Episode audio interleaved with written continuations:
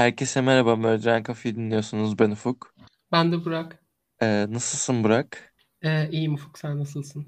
Ben de iyiyim. Ee, kaldığımız yerden devam ediyoruz ve Floransa Canavarı'nın ikinci partıyla birlikteyiz. Söylemek istediğim bir şey var mı bölümden önce? Ee, yok herhalde. Yok, aynen yok. Ee, şey... Neden girdin? Aptalım çünkü ne diyebilirim ki? Ee, birinci bölümde e, şimdi şey Fransa canavarı şimdiye kadar işlediği cinayetlerden bahsettik. Lenazione'ye yollanan enteresan mektup dolayısıyla bulunan asıl ilk cinayetten bahsettik. Ondan sonra Mario'nun polisin işini nasıl yaptığından bahsettik ve French, Salvatore Francesco Vinci adında iki kardeşten haberdar olmuştuk. En son e, Francesco tutukluyken ve hapisteyken Floransa canavarı olma şüphesiyle Fransa canavarı tekrar bir cinayet işlemişti. Tekrar bir çifte cinayet işledi. E, Wilhelm ve Jans. Bundan sonra en son şey dedim. Francesco masum işte salın beni diyor. Polis diyor ki birine senin için cinayet işlettin. Değil mi? Aynen. Şimdi e, Francesco diyor ki polise böyle bir şey düşünüyorsunuz tamam söyleyin kime cinayet işletmiş olabilirim. Polis de diyor ki Francesco'ya senin bir yeğenin var Antonio adında. Antonio ile siz çok yakınsınız ve aynı kişisiniz resmen. Gerçekten hani birbirine çok benzeyen iki kişiler kişilik olarak Antonio işlemiştir diyorlar. Ee, Antonio Salvatore'nin oğlu. Onun da sabıkası bayağı kabarık. Antonio'nun evini arıyor polis Ufuk. Evde Beretta marka bir tabanca yok ama kaçak bir sürü silah var. ee, bu yüzden tutuklanıyor. Ee, hani şey umuyorlar ki baskı altında Antonio itiraf etsin. Evet Francesco Frans Fransa katili, Fransa canavarı Francesco ve ben hani onun için cinayet işledim desin diye umuyorlar. Antonio her şeyi reddediyor. Antonio bu kaçak silahlardan da yırtıyor. Ama enteresan bir şekilde. Nasıl yırtıyor biliyor musun Ufuk? Ne oluyor? Antonio'nun avukatları diyor ki tamam bu kaçak silahlar Antonio evinde bulundu ama bu o silahların sahibinin Antonio olduğunu kanıtlamazsın diyor. Ee, Polis de okey yani. diyor tamam. Aa, nasıl kanıtlamaz? bu yüzden salınıyor. Aynen bu yüzden salınıyor. diyor ki tamam evet benim evimde bulundu ama benim değillerdi aslında şey. Ben bir arkadaş ödünç verdi. İtalya'da özgürlükler ülkesiymiş. e, Francesco'yu salmıyor polis bu olaydan sonra yine de. Bundan sonra 29 Temmuz 1980'de başka bir çifte cinayet daha işleniyor. Francesco tutukluyken işlenen ikinci çifte cinayet bu. 21 yaşındaki Claudio e, Claudio Stefanacci, Stefanacci ve 18 yaşındaki Pierre Rontini Vicchio'da öldürülüyor. E, Vicchio'nun şehir merkezine uzaklarına yazmamışım Ufuk. Özür dilerim. Haritamızı çizemeyeceğiz, tamamlayamayacağız. Ya. E, e, şey yani yerlerin söylememin sebebi şey hep hani hep Floransa şehir Floransa'ya bağlı yerler. Fazla uzaklaşmıyor. Bundan sonra bahsedeceğim ama. Sadece o yüzden hani hep Floransa'da kalışından önemli kısım o. E, Claudio bir hukuk, hukuk öğrencisi. Pia da bir barmenmiş. E, çift Claudio'nun arabasındayken saldırıyor uğruyor. E, ikisi de kafalarından biriyle ateş edilerek öldürülüyor. Bundan sonra katil Pierre, Pia'yı araçtan çıkarmış, e, soymuş ve vajinasını parçalamış. Bundan sonra e, Pia'nın sol göğsünde kesmiş bu arada katil. E, bu arada katil, bunu söylemeyi unuttum galiba özür dilerim. Evet, e, katil kurbanlarından kestiği parçaları saklıyor kendi için. Şimdiye kadar ne, başka ne kesti ki? Şey parçalıyor dedim galiba da vajinalarını kesiyor ve hani vajinalarından kestiği parçaları alıyor. Ha, Parçalıyor ve ben kesiyor. sadece Aynen. kesik atıyor falan diye düşünmüştüm. Korkunç. Ay özür dilerim. Bunu e, bunu part 1'e de ekler misin Ufuk böyle sonuna falan ekleme not diye. Burak söylemeyi unutmuş ama hani parçalıyor ve kesiyor ve bu parçaları kendine saklıyor. Yani alıp götürüyor. Yani sonuçta iki part birlikte ya yani bölüm o yüzden sorun değil bence ilk part eklememe şart değil. Ha, yani özür dilerim söylemeyi unuttuysam onu şey e, parça bu kestiği parçaları götürüyor katil. E, kullanılan silah yine 42 kalibrelik Barretta marka bir tabanca e, ve kullanılan bıçak da yine çentikli bıçak. Claudio Pia öldürülmeden önce Ufuk bir dondurmacıda varmış e, ve görgü tanıklarına göre tuhaf bir adam tarafından rahatsız edilip durmuşlar. Hmm. Şimdi polis her nedense galiba bunun üstüne fazla yoğunlaşmıyor. Ama hatırlıyor musun Stefania'nın Stefania'nın da bir stalker vardı. Evet evet. Bu katil e, Fransa polisi bu detayı her nedense atlıyor. Umurlarında olmuyor. Ama bu katil Fransa canavarı kurbanlarını kısa sürede olsa stalkluyor. Takip ediyor onları ve rahatsız ediyor. Ama Fransa canav şey Fransa polisi bu detayı dikkate almıyor. Hı hı. Neden? Bilmiyorum. Açıklama bulamadım. Fransa polisi ama Fransa polisi ileride daha enteresan şeyler de yapacak. Bir neden bilmiyorum ama dikkate almıyorlar. Bu, Yani bu kaçıncı e, çift ölüyor ayrıntıya yani şimdiye kadar bir şeyler yapmaları gerekiyordu zaten yani o yüzden Fl- Florence polisine pek güvenmiyorum. aynen. Bu ayrıntıya tekrar geri döneceğiz. Bu stalklama Kaçıncı çift ayrıntısına. oldu? 6 falan galiba. al, 4 ya da 6 galiba. Aynen. Bir e, mektupla da yolladı. tek. İki, iki ilk cinayeti sandığımız. Üç ikinci cinayeti sandığımız. Dört, beş. iki tane de şeyden vardı. Pardon dörtten sonra iki tane de hapisten sonra oldu. Altı olması lazım ya. Yanlış saymadıysam. Aynen sanırım. Ee, bundan sonra bakayım bir dakika. 6'dan fazla galiba. Çünkü birazdan Altı değil son cinayet 12 oluyor. ikişer kişi hep. 12. Hı hı. Ee, şimdi en son ne dedim? Polis bu cinayetten sonra Francesco tutukluyken işlenen ikinci cinayet bu. O yüzden e, ikinci çifte cinayet. O yüzden Francesco'yu salıyorlar. Bundan sonra hiçbir ilerleme kaydedilmiyor tamam mı? Yine hiç ellerinde bu arada bu noktada hiçbir şey yok. Hiçbir şekilde ilerleme kaydedemiyorlar. Şimdi son çifte cinayete geldik. 7 Eylül 1984'te bu. Ee, iki Fransız turist öldürülüyor. San Casciano, Casciano ya da Casciano bilmiyorum. Sanki Kas, ben Casciano diyeceğim. San Casciano'da ormanlık bir alanda kamp yaparken öldürülüyor bu çift. Ee, 25 yaşındaki Jean-Michel Kravaşvili ve 36 yaşındaki Nad- e, Nadine Morio. Ee, Jean-Michel bir müzisyenmiş, Nadine de bir iş insanıymış. Şimdi bu seferki biraz farklı ama. Yani kurban profili aynı, işleniş aynı, katil aynı ama bu sefer bir araç değil. Ee, kamp yapıyorlar dediğim gibi. Çift çadırlarındayken Ufuk, çadırlarında otururlarken bu katil çadırda bir e, çadırı deliyor, bıçağıyla kesiyor ve kaçıyor. Ondan sonra Aa, çok rahatsız edici. evet. Bu, bu olunca tabii Jean-Michel ve Nadine e, çadırın fermuarını açıp dışarıya bakıyorlar ne oluyor diye. Ve baktıkları sırada katil saklandığı yerden iki el ateş edip ikiliyi vuruyor. Hayır bu seferki yani bildiğin diğer her cinayette planını yapıp hani doğru anı bulup direkt saldırıyordu. Bu sefer bildiğin tuzak kuruyor gibi. Yani Hı hı. ki kuruyor da direkt tuzak kurdu yani. Enteresan. Nadine anında hayatını kaybetmiş ama Jean-Michel hala hayattaymış. Bundan sonra katil, katil hani ikili de yere yığılınca çadıra yaklaşmaya başlıyor. Jean-Michel kalkıyor, katili deviriyor ve koşup kaçmaya çalışıyor. Ama ne yazık ki katil ona yetişiyor ve Jean-Michel yere düşürdükten sonra pek çok kez bıçaklayıp boğazını kesiyor ve öldürüyor. Oh. Ee, bundan sonra katil Nadine'i çadırdan çıkarıyor, vajinasını parçalıyor ee, ve sol göğsünü de parçalıyor. Pia gibi. Hı. ve yine bu parçaları alıp götürüyor. Bundan sonra katil hem Nadine'i hem de Jean-Michel'in cansız bedenlerini, yani ikisinin de cansız bedenini çadıra yerleştiriyor. Fermuarı çekiyor ve olay yerinden ayrılıyor. Aa. Ee, evet. Bu şey hani bu senaryoyu kan kanıtından ötürü böyle olduğunu düşünüyoruz. Hani mantıklı da gayet gibi. Şey bu sefer hani ormanlık alanda olduğu için hani normal bir şekilde sadece kapalı çadır gibi gözüküyor uzaktan pek bir şey belli. Hani yaklaşmadığı müddetçe anlayamayacağınız üzere. Bu sefer ikilinin cansız bedeni bir süre bulunmuyor. Bundan 3 gün sonra cinayetlerden 3 gün sonra 10 Eylül'de katil Ufuk polise bir zarf yolluyor. Ee, bu noktada da bedenleri hala bulunmadı. Ee, Nadine ve Jean Michel'in. Şey bir zarf yolluyor. Zarf pardon. Ee, zarfın üstünde sadece e, yollandığı kişinin adı ve ofisi yazıyor. Şimdi dergilerden kestiği harflerle yazmış bunu. Evet. yani film sapığı gibi gerçekten. Evet evet gerçekten. Zarfın yollandığı kişi Silvia Della Monica. Hatırlıyorsun onu. O hani Hı hı. muhabirlere şey yapan. O dedektif. Ee, zarfın içinde hiçbir şey yok. Sadece hani yazı yok, not yok. Sadece Nadine'in kesilen sol göğsünün bir parçası var. İnanamıyorum. Evet, bunu dedektife yolluyor. Davaya bakan dedektiflerden birine yolluyor. Bundan iki saat sonra da ormanda kamp yapan biri Jean-Michel ve Nadine'in cansız bedenlerini keşfedip polisi aramış. Zarfın polise ulaşmasından iki saat sonra. Olay yerinde yine bir ipucu yok. Sadece şey anlattığım teoriyi hani gösteren kan kanıtları ve işte çamur izleri falan onlardan bu anlattığım şekilde işlendiğini düşünüyorlar cinayetin. Ee, şimdi katilin bu zarfı özellikle Sil- Silvia'ya yollamasının bazı sebepleri olmalı. Çünkü şey Silvia hani baş dedektif değil. Dedektiflerden biri hani ve şey kıdemli dedektiflerden biri ama baş dedektif değil. Neden özellikle Silvia'ya yolladı? Silvia davaya bakan tek kadın dedektifmiş. Bir sürü dedektif varsa sadece o kadınmış. Aynen. Katilin kadın nefretini biliyoruz yani bariz bir şekilde kadınlardan nefret ediyor. Aynı zamanda hani bir de şöyle bir kanıt da var gibi kadın nefreti için. Silvia'nın ünvanını yanlış yazıyor nota. Hani sadece Silvia'nın ünvanı, adı ve ofisi yazıyor ya zarfın üstünde. Hı hı.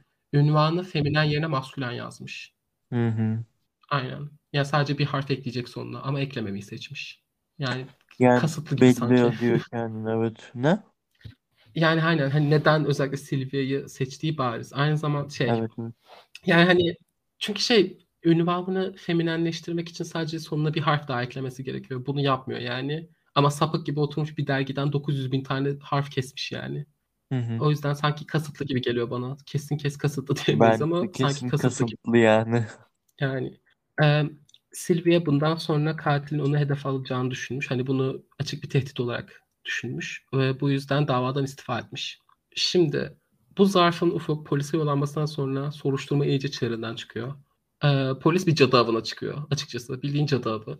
Diyorlar ki hiçbir ilerleme kaydedemedik. Elimizde hani şüpheli yok, hiçbir şey yok. Biz e, cinsel suçlardan sabıkası olan herkesi ama herkese tutuklayıp ifadesini alacağız. Herkesi bu şehirde cinsel suçtan sabıkası olan herkes gelip bize ifade verecek. Yani ben abartıyorum herkesi çağırmıyorlar tabii de yüzden fazla kişi sorguya çağrılıyor ama. Hani bunlar, bu insanların tek ortak noktası ya da polisin onlardan şüphelenmesinin tek sebebi sabıkalarında cinsel suç olması. Şimdi bu kötü bir başla hani kötü bir şey mi? Hayır hani yani anlatamıyorum nasıl desem. Bu kişi bu katilin dur neyse.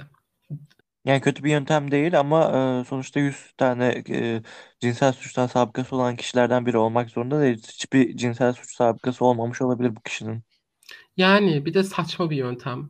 Hani sadece boşuna efor sarf etmek gibi. Çünkü elinde başka herhangi bir hani de ki atıyorum katilin ne diyeyim katilin boyunun atıyorum 1.78 olduğundan eminsin. %100 eminsin. Ve katilin hani e, sabıkasının cinsel suç olduğundan da eminsin. O zaman 1.78 yaşındaki e, boyundaki e, cinsel suç sabıkalı katillerin hepsini çağırır mısın? Çağırırsın neden olmasın. Ama yani emin değilsin. Bu ikisi iki, hani bu katilin cinsel suçtan sabıkası olduğundan bile emin değilsin şu an. Aynen işte Buna rağmen belki de hani yoktur.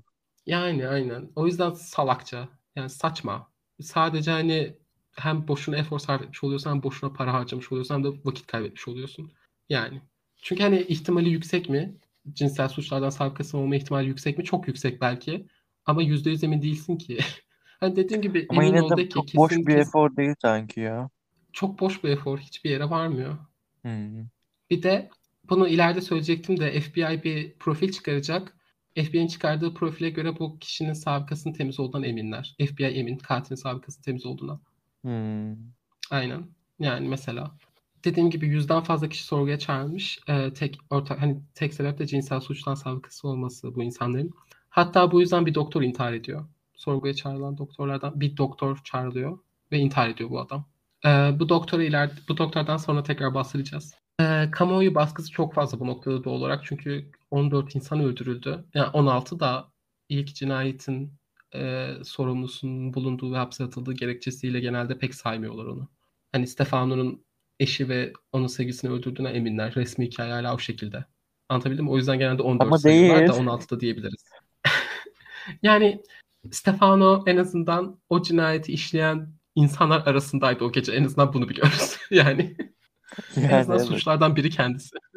Ee, şimdi kamuoyu dediğim gibi kamuoyu baskısı çok fazla. Polis hiçbir ilerleme kaydedemiyor. Sadece cinsel suçtan sabıkası olduğu için insanları çağırıp sorguladıktan sonra.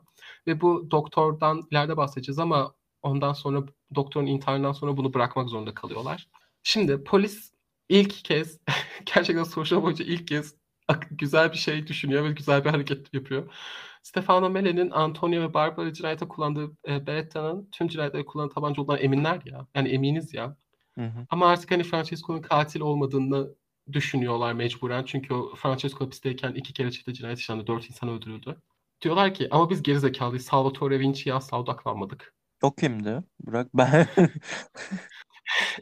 Francesco'nun kardeşi. Onlar iki kardeşlerdi ya hani. Francesco Ha. ve Salvatore Vinci şey. E Stefano Barbara'nın evinde mı? yaşıyorlardı. Hayır. Sadece? Francesco'ya bakıyorlar.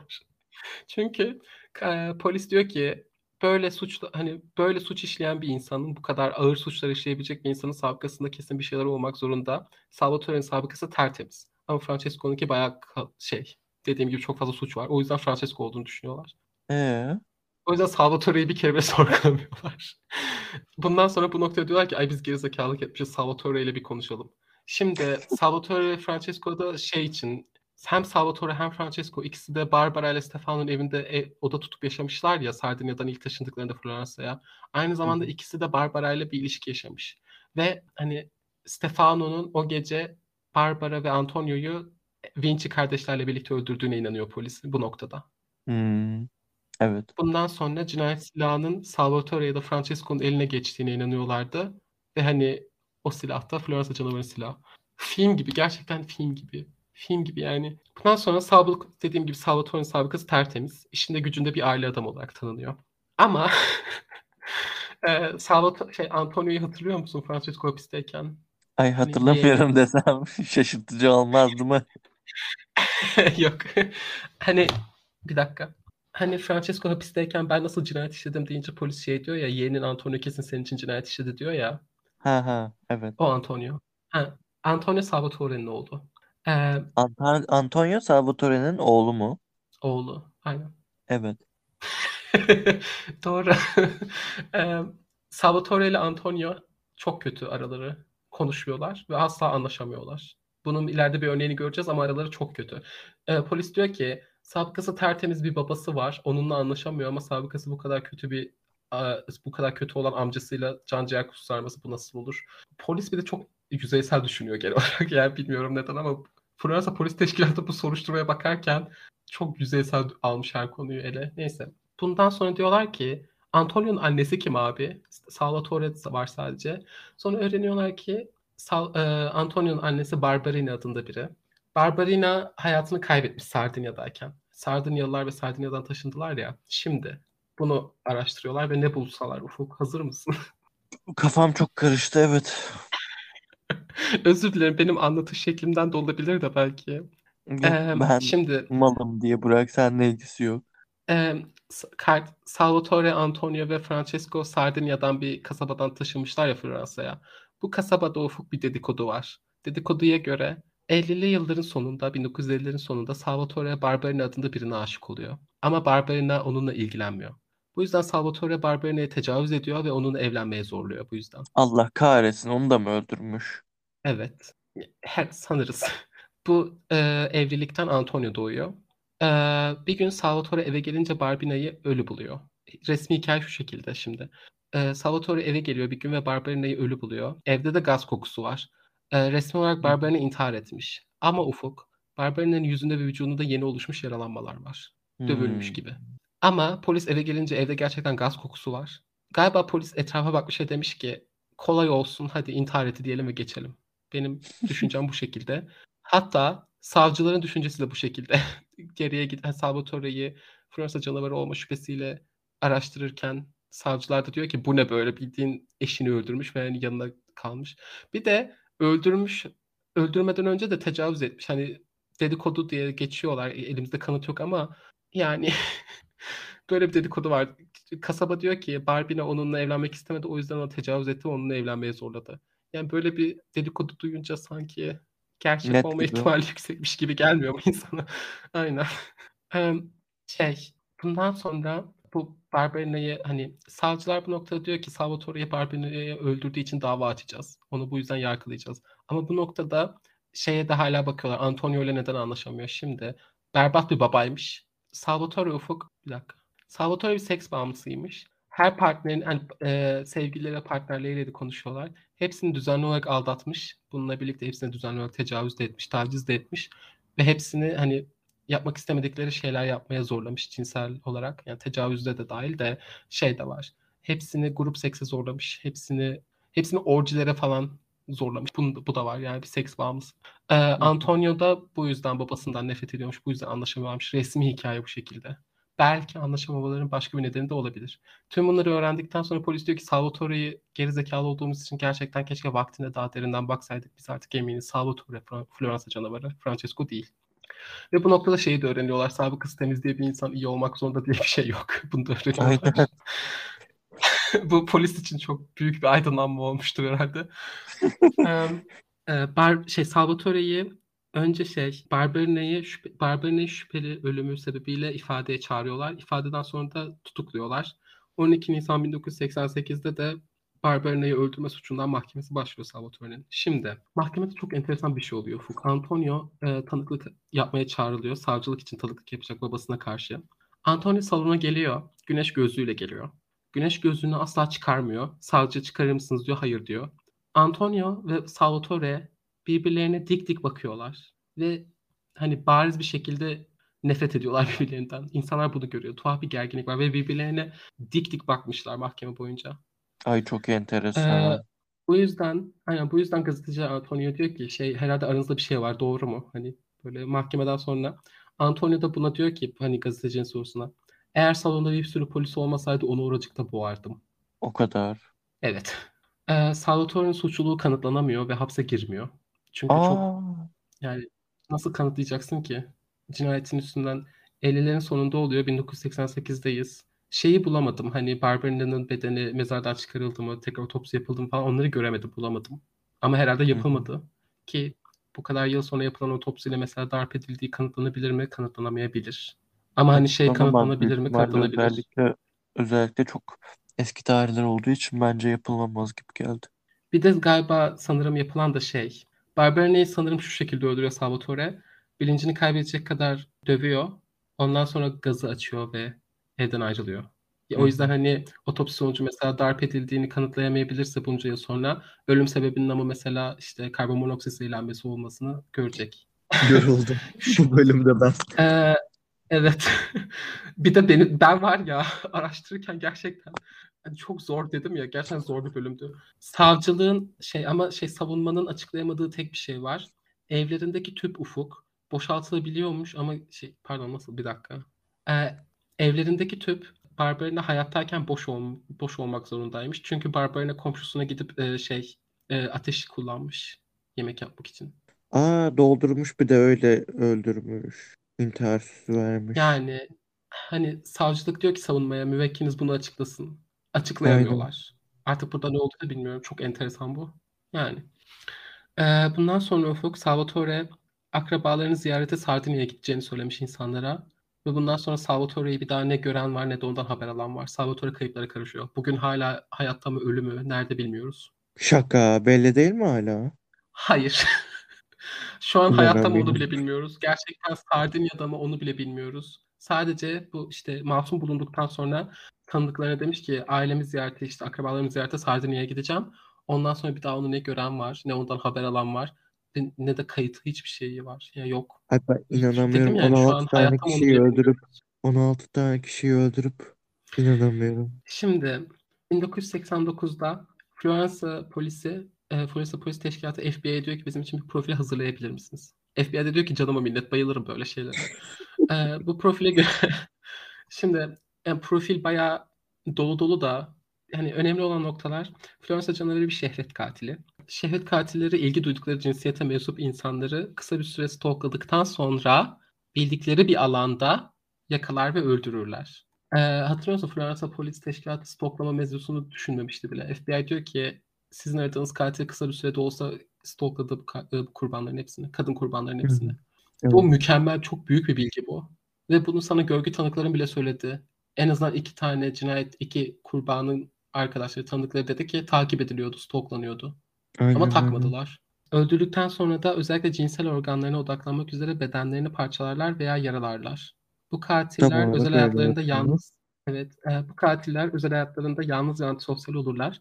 İnsanlarla ilişki kurmazlar ve sadece bildikleri yerlerde cinayet işlerler. Şimdi başka seri katillerden de bahsettik ya, seri katiller genelde otoyollar ne kadar el verirse geniş bir alana yayılırlar ya. Bu katil sadece Floransa'nın çeşitli beldeleri, ilçeleri vesaire e, oralara odaklandı. Mesela tüm Kuzey İtalya'ya yayılmadı. Anlatabildim mi? Evet anladım. Bu çok enteresan. Bu seri katillerde çok görülen bir şey değil. Genelde daha büyük bir alana yayılırlar. Hani yaşadıkları yerden daha uzaklara gitmeye çalışırlar.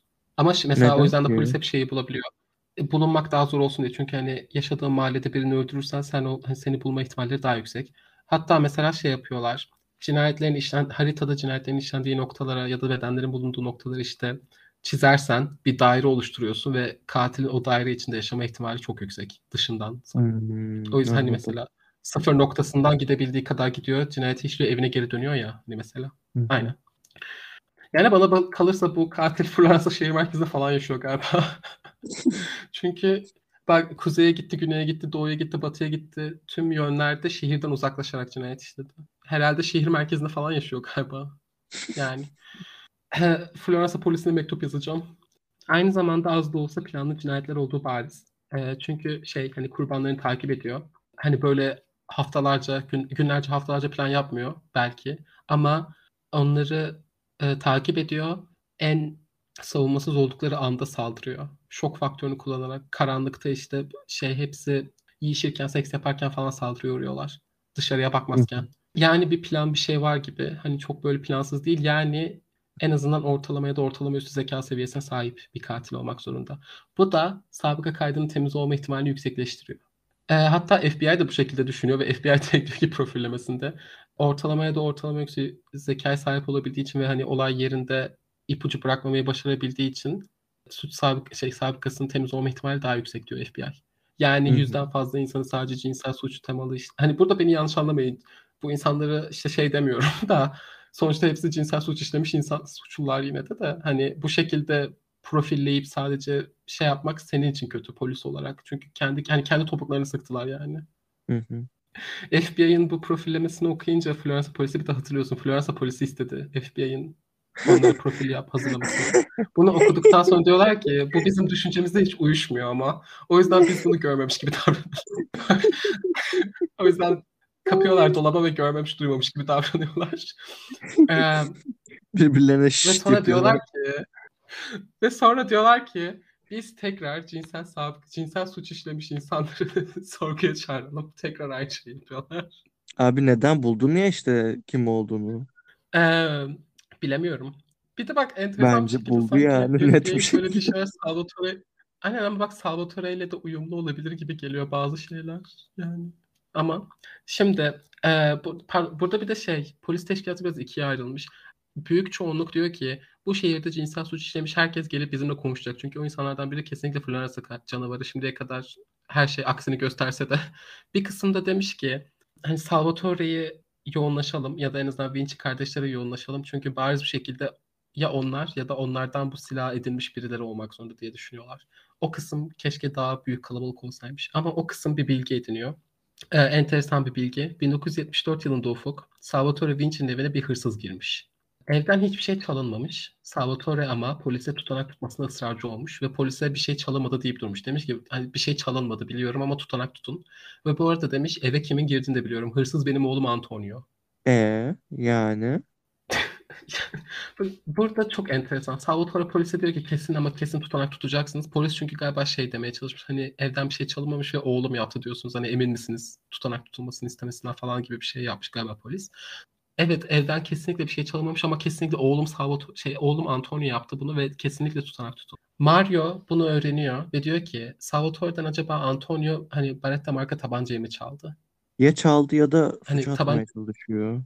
İkisi de olabilir. Evet.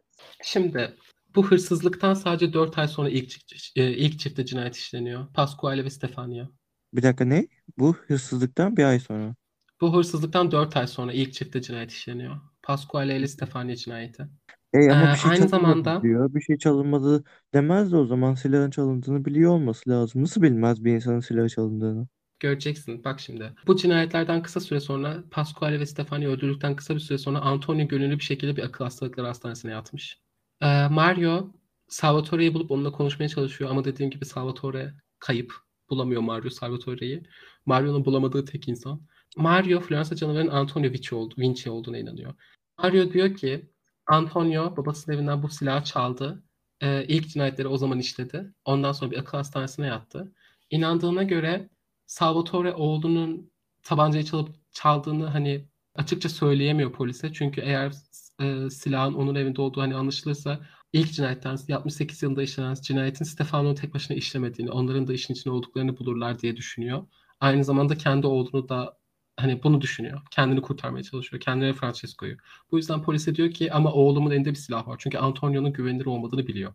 Mario böyle buna inanıyor. Anlatabildim mi?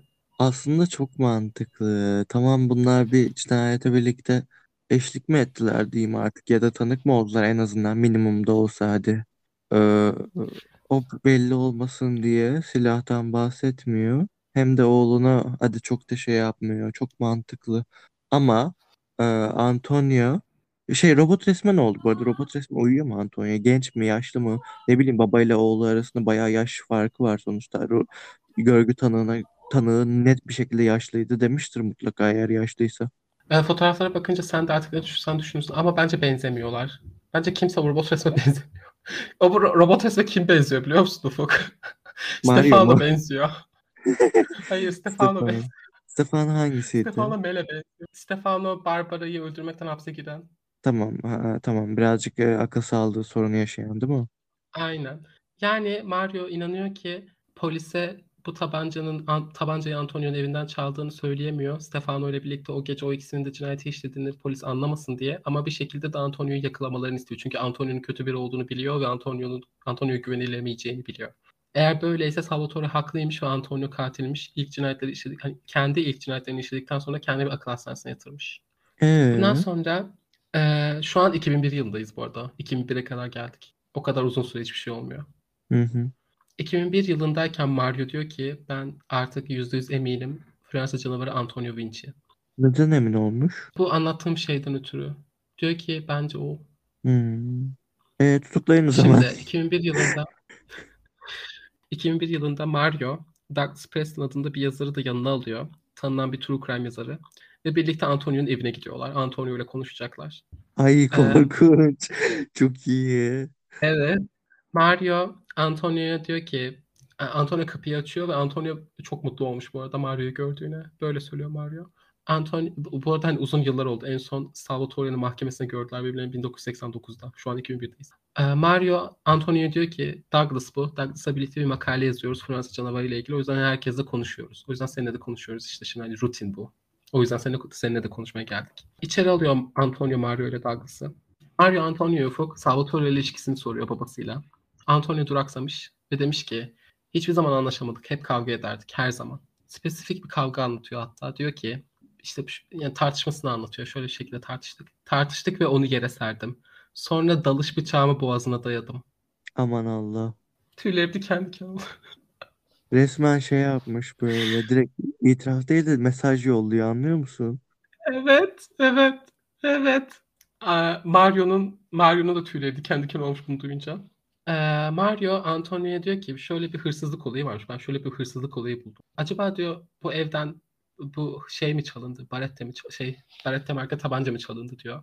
Antonio diyor ki şey pardon Mario Antonio'ya direkt soruyor diyor ki babanın evine gelip o Barette marka tabancayı mı çaldın? Sen mi yaptın?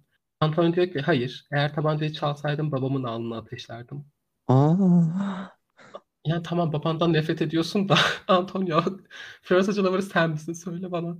Ee, bundan sonra Ufuk Mario Antonio'ya 1985'ten sonra cinayetler bitti. Sen de 85 ile 90 arası Fransa'da değildin. Fransa canavarı sen misin diye soruyor. Hı hı. Antonio tebessüm ediyor ve hayır diyor. Tebessüm ediyor. Buna artık ne diyebilirsin? Çünkü açık açık birine bakıp Fransa canavarı sen misin diye sorarsam ve o da sana hayır derse kalkıp gitme vaktidir değil mi? Dolayısıyla e, Bence- Mario ve Douglas kalkıyor gitmek üzere. Kalk, ay- ayaklandıkları sırada Ufuk Antonio Mario'nun kulağına fısıldıyor ve diyor ki beni dinle ben oyun oynamam. Neden? Ne? Nasıl yani? Hani bu bir tehdit mi? yani Tehdit Na- ne? yani diyor ki beni dinle. Hani işte tehdit yani ben oyun oynamam diyor. Yani bence sus diyor açıkçası. Evet evet evet evet çok Em, mantıklı. Ay.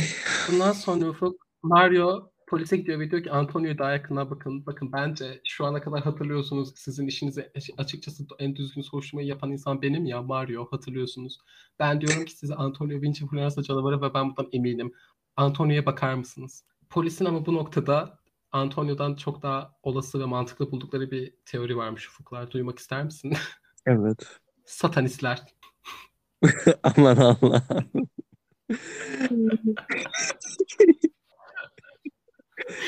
Ee, şey, e, cinsel suçtan cinsel suçtan sabıkası olan insanlar bitti sanırım. o yüzden dediler ki satanistler işledi bu cinayetleri. Satanistler. Bu yüzden Antonio'yu soruşturmayı kabul etmiyor polis. Bundan sonra polisle Antonio arasında bir savaş başlıyor. Hayır yani Ee, tamam bundan sonra biliyoruz, biliyoruz polis ama satanist cinayetlerinde falan da yaşandı sonuçta. Satanist cinayetleri yaşanmamış gibi gülüyoruz ama ama yani çok bir şey diyeyim alakasız mi? diyoruz. Bak çünkü satanist panik diye bir şey var. Bundan daha önce de bahsetmişim. Ben bir gün satanist panik hakkında bölüm yapacağım. Çünkü e, her ülke ülkeden ülkeye değişiyor dönemler. Galiba İtalya'da da herhalde 90'larla 2000'ler arasıydı. Türkiye'de de genelde o zamanlarda. Amerika'da 80'le 90 arasıydı daha çok. Gerçekten öyle bir dönem var ki her ülkenin her ülkenin ama tarihinde gökten herhangi yani gerçekten önündeki kuş düşüp yere çakılsın. Polis çıkıp diyor ki satanistler yaptı. Bu yaşadığımız yerde yaşadığımız yerde sadece 10 bin kişi bile yaşıyor olabilirse 25 bin tane satanist yaşıyor. Bir gün bir şeyden bahsederiz ve göreceksin gerçekten. Şu an mantıksız konuşuyor olabilirim çünkü çok tutkuluyum bu konu hakkında. Her ülkenin tarihinde bir dönem var. Gerçekten atıyorum o yıl o ülkede 100 cinayet işlenmiş olsun. Polis çıkıyor ve diyor ki bu sene bu ülkede tam 15 bin tane satanist cinayet işlendi.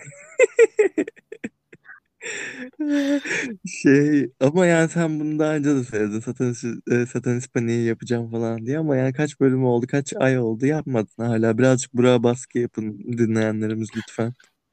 Tamam. Bu arada şey satanist paniği diye bölüm yapınca eğlenceli olmayacak. Çok fazla çünkü bak yine günün teması galiba. Çok fazla haksız yere suçlanan insandan bahsedeceğiz. O yüzden bir de çok boka batan soruşturmalardan falan bahsedeceğiz.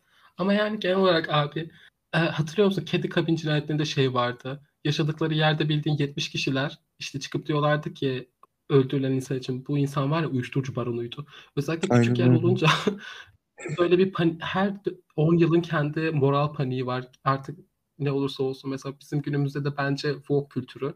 Evet söyledim. Bu moral panik halkı ele geçiriyor ve insanlar gerçekten cadı avı yapıyor. Bildiğin Salem oluyor etraf. Hani o yüzden çünkü mesela gerçekten bak şimdiye kadar kaç bin katil, kaç bin cinayet, kaç bin şey gördüm. Sana yemin ediyorum şu an aklıma gelen gerçekten sadece bir tane satanist cinayeti var. Ama şimdiye kadar baktığım her şeyin özellikle de 80'ler ve 90'larda geçmişse hepsinde kesin satanistler yaptığı dönemi yaşıyor polis. Bu yaşanıyor yani. İnanılmaz. Bundan sonra polisle Mario arasında bir savaş başlıyor. Mario açık açık polise diyor ki işlerini doğru düzgün yapmıyorlar. Saçma sapan para harcıyorlar. Saçma sapan senaryolar kuruyorlar. Kendi kafalarına düzgün iş yapmıyorlar. Hiç de yapmadılar. Buna cevap olarak 2004'te polis Mario'nun evini basıyor.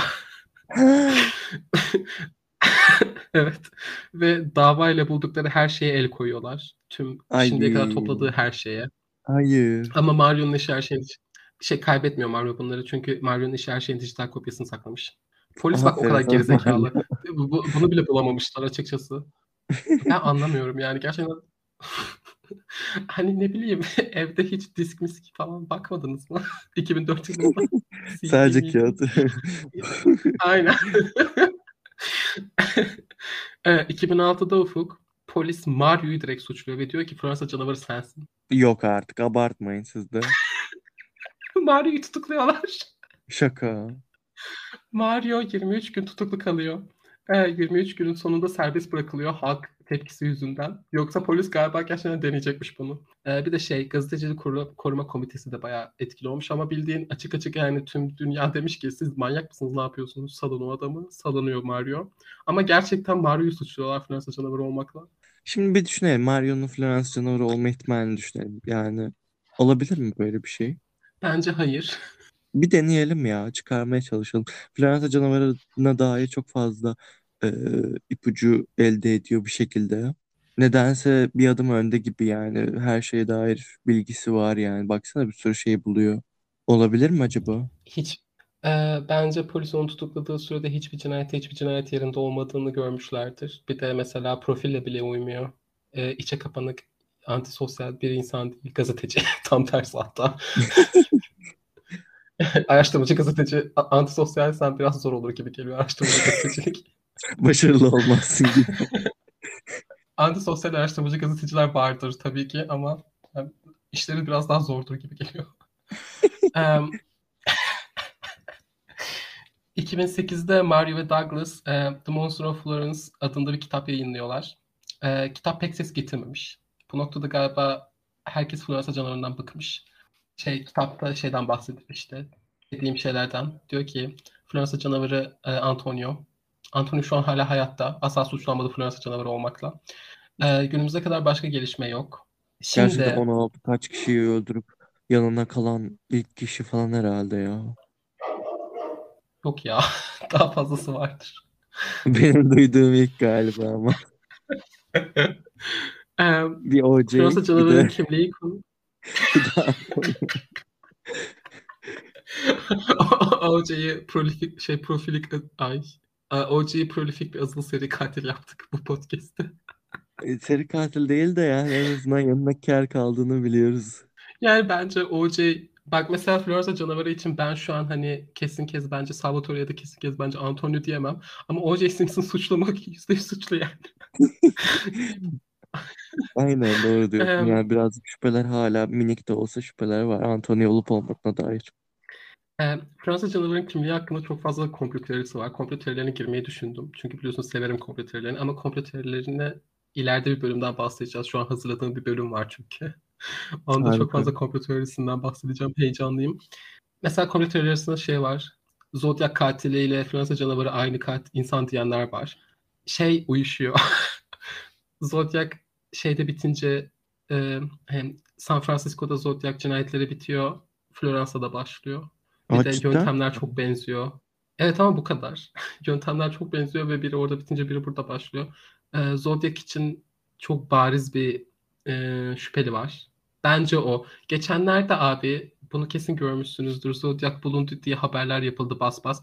O adamın Zodiac olduğu kesinlikle kanıtı değil şu an. Sadece öyle bir teori var. Aynen şey ve e, bence o adam değil. Instagram DM'lerinden. Aynen. Bence o adam değil. Abi bak en büyük kanıtlarından biri. Gerçi hikayeyi biraz unuttum çok konuşmayayım. Neyse. Bence o adam değil. Ee, Zodiac'tan başka bir bahsederiz. Zodiac'tan Hala bahsetmeyelim kesin bence. Çok uzun bir şeye benziyor. evet. Zodiac 5 part falan olur. Zodiac'ta çünkü Zodiac bir gün bahsederiz. Neyse. Ee, kimliği Floransa canavarın hala resmi olarak bilinmiyor. Ben kesin kez Salvatore ya da kesin kez Antonio olduğuna eminim diyemem açıkçası ama yani ama Salvatore Francesco için e, Stefano ile birlikte o gece orada olduklarını ve silahı o ikisinden birini aldığından eminim. Hatta belki Salvatore almıştır. Belki Salvatore'nin evine giren kişi Antonio'ydu ya da değildi ve silah o gece çalındığına eminim ben silahın o evden. Ve o silah kim çaldıysa Fransa canavarı o. En azından bu kadar kesin yani. Aynen bu kadarı kesin gibi duruyor ve e, ben Mario'ya nedense güvendim ve Mario ne derse o diyorum ben. Ee, bu arada şey Mario 2016 yılında hayatını kaybetmiş. Onu da ekleyeyim. Aa, Hayatta değil. Mario yeni bir şeyimiz ufuk bence. Yeni bir Murder and Coffee ikonumuz. bence de Mar Marsha gerçekten Clark ve Sevil Atasoy hak ettiği yeri aldı. Şeyde e, ikonlar locasında. aynen bence de. E, Ee, bu soruşturma ha, yani çok üzüldüm ben. O kadar uğraştı bilmem ne. En azından bir, bir görseydi keşke tutuklandığını falan öyle ölseydi. bence asla bulunmayacak ki bu insan. O yüzden bu soruşturma İtalyan tarihinin en pahalı ve en uzun soruşturmasıymış. Hala açık. Ee, şimdi şimdi anlatacağım şeyi bilerek sona sakladım. İntihar eden doktor vardı ya ondan bahsedeceğiz demiştim. Hazır mısın? E- Evet. Ee, bu doktorun adı Doktor Francesco Narducci. Ee, onun Floransa canavarı olduğunu söyleyen kişi Ufuk Giuliano Mignini'ymiş. Bu isim tanıdık geldi mi? Giuliano Mignini. Yok tanıya çıkaramadım. Kimdi o? Amanda Knox. Onu suçlayan adam. Şaka yapıyorsun. Hayır. Bak şimdi. Oha, Giuliano oha. gerçekten. Ay, Giuliano o zamanlardan beri e, fake accusation'la birlikte devam mı etmiş? Ta 2000 kaç yılındaydı Amanda Knox? 2006 falan mıydı? Ta yıllar boyunca kari kariyeri bu yönde devam şeyi etmiş. kariyeri boyunca dokunduğu her şeyi bok etti usta bir şekilde. Giuliano gerçekten orta çağlarda savcılık yapsa çok başarılı olurdu. Çünkü kendisi aslında bir cadı avcısı. Bak Yani ama yani kaç yılında doktor intihar etmiş? 80 falan değil mi? Yani 20 30 yıl boyunca bu adam nasıl savcı olarak kalmış yani? Bir de hakkında soruşturma da var. Geleceğim. Ee, şey Amanda Knox, Amanda Knox masumdur bizim podcast'imizin sloganlarından biri olduğu için Giuliano'yu tekrar söyleme fırsatını kaçıramazdım. Ee, şimdi Giuliano diyor ki Francesco Narducci var ya o doktor. Bence Fransa canavarı o. Eminim. Kalıbımı basarım. Onun bu teziyle bağlantılı olarak 20 kişi tutuklanıyor. Doktor dahil. Sadece Aa. doktorun Floransa canavarı olduğunu kanıtlayabilmek için toplamda 20 kişiyi tutuklatıyor. Cadı avcısı dedim ya gerçekten ama. Hepsi e, doktorun yani Nard- Doktor Narducci'nin ve tutuklanan yani Doktor Narducci'nin Fransa canavarı olmadığı kanıtlanıyor. Nasıl bilmiyorum. Dava hakkında bilgi yok. Çünkü adam intihar etti. Ama Fransa canavarı olmadığı kanıtlanıyor. Bu 20 insan, doktor dahil herkes serbest bırakılıyor. Ondan sonra doktor intihar ederek şey intihar ediyor. Ay yazık Ee, ya. Ama gerçi cinsel Jul- şapkası vardı değil mi? Yazık demeyeyim de. Ya tabii intihar etmeyebilirdi en azından ya. Şimdi İtalya'da o işler nasıl bilmiyorum ama bazen cinsel suçlar içine şey de giriyor bazı ülkelerde. Hani halk içinde işemek mesela. Nasıl? Ha onlar da mı dahil? Bazı ülkelerde Amerika'da dahil mesela. Ee, hani mesela Aa. atıyorum yani adamı savunuyor gibi de olmayayım çünkü bilmiyoruz. Belki gerçekten tecavüzcü falan da bilmiyorum yani de. Hani bazen öyle suçlar da oluyor işin içinde. O yüzden mesela sadece direkt cinsel suçu deyip hani şey yapmamamız gerekiyor. Yani ülke ülke Anladım. değişiyor. İtalya'da nasıl bilmiyorum da aynen. Giuliano Ufuk 2010'da bu Amanda Knox'tan da sonra herhalde bundan sonra dediler ki sen bok gibi bir savcısın. 2010'da e, ofisi kötüye kullanmadan suçlu bulunmuş. Oh şükürler olsun. Ama sonra temize gitmiş ve aklanmış. Ay ya. Ama bari emekli falan yapın şu adamı ya. İşten mişten atın. Giuliano'nun terörü bitmedi. Mario Ufuk Giuliano'yu eleştirdiği için suçlanmış ve ha- e, şey kısa süreliğine hapse atılmış. Mario ikinciye mi hapse atılmış? Evet.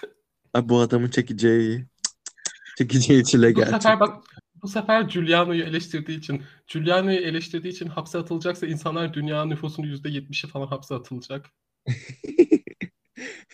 Eğer bir gün İtalya'ya gidersek Giuliano'yu eleştirdiğimiz için hapse atılacağız seninle birlikte. Giuliano gerçekten terör Giuliano Giuliano hayatta mı? attığı her adım terör. Evet. Neyse şimdi yorum yapmayayım. Ee, şimdi Mario Giuliano'yu eleştirdiği için hapse atılıp hapisten çıktıktan sonra e, şey Meredith Curtis cinayetine Giuliano'ya katılıyormuş Mario. Amanda ve Raffaele'yi Raffaele'nin suçlu olduğunu inanıyormuş. Ama Giuliano'dan Giuliano yüzünden hapse girip çıktıktan sonra Amanda Knox'tan ve Raffaele'den özür dilemiş ve demiş ki ben yanıldım siz suçlu değilsiniz. Yani Mario da bize katılıyor. herkes ama herkes Giuliano'nun kariyeri boyunca baktığı her davaya tekrar bakılmalı şüpheli bir şekilde. Gerçekten Abi şey gibi savcıların Mr. Bean'i gibi bir adam. Aynen. Kurutuyor dokunduğu şeyi. Ee, Fransa canavarı bölümünde böyle bitirmiş oldum. Julia, eski bir düşmanımız Giuliano'ya sövdük ve yeni bir ikonumuz Mario'nun da bize katıldığını söyledik. Amanda Knox suçsuzdur. Ee, dediğim gibi Bütün her şey bildiğin her şeyi sıraladım bir anda. Her şey bir araya geldi ve full circle moment yaşıyoruz Ufuk. Ee, Fransa canavarının asla bulunmayacağına ben eminim. Çünkü açıkçası Fransa polis teşkilatı pek istemiyor gibi bulmayı. Ee, Yani. böyle, hmm, bu kadar. Bu bölümde burada bitti. Gerçekten bravo Burak. Çok çok iyiydi. Çok hoşuma gitti benim. Beğendim. Eline sağlık. Afiyet olsun canım. Ee, Sevgi'ye de teşekkür ederiz önerdiği için. Teşekkürler. Zor bir araştırmaydı ama Gerçekten eğlenceliydi. Büyük ihtimal iki part yapacağız gibi duruyor çünkü iki saat. Aynen mecbur iki, iki part olacak ya. O zaman ben kapanış yapayım. Floransa Canavarı Part 2'de böyleydi. Ee, Burak teşekkür ederiz tekrardan. Bizi dinlediğiniz için teşekkür ederiz. Bizi Instagram'dan takip edebilirsiniz. Burak bölümün fotoğraflarını oraya atacak. Ee, linklerimizi dinlediğiniz platformun altındaki linkten bulabilirsiniz. Ee, bizi Patreon'dan destekleyebilirsiniz. Ee, oradan abone olan şu an e, 16 kişiye katılabilirsiniz ve orada özel bölümlerimizi dinleyebilirsiniz. Ee, Bence destekleyin bizi. Teşekkür ederiz dinlediğiniz için. Bay bay. Bay bay.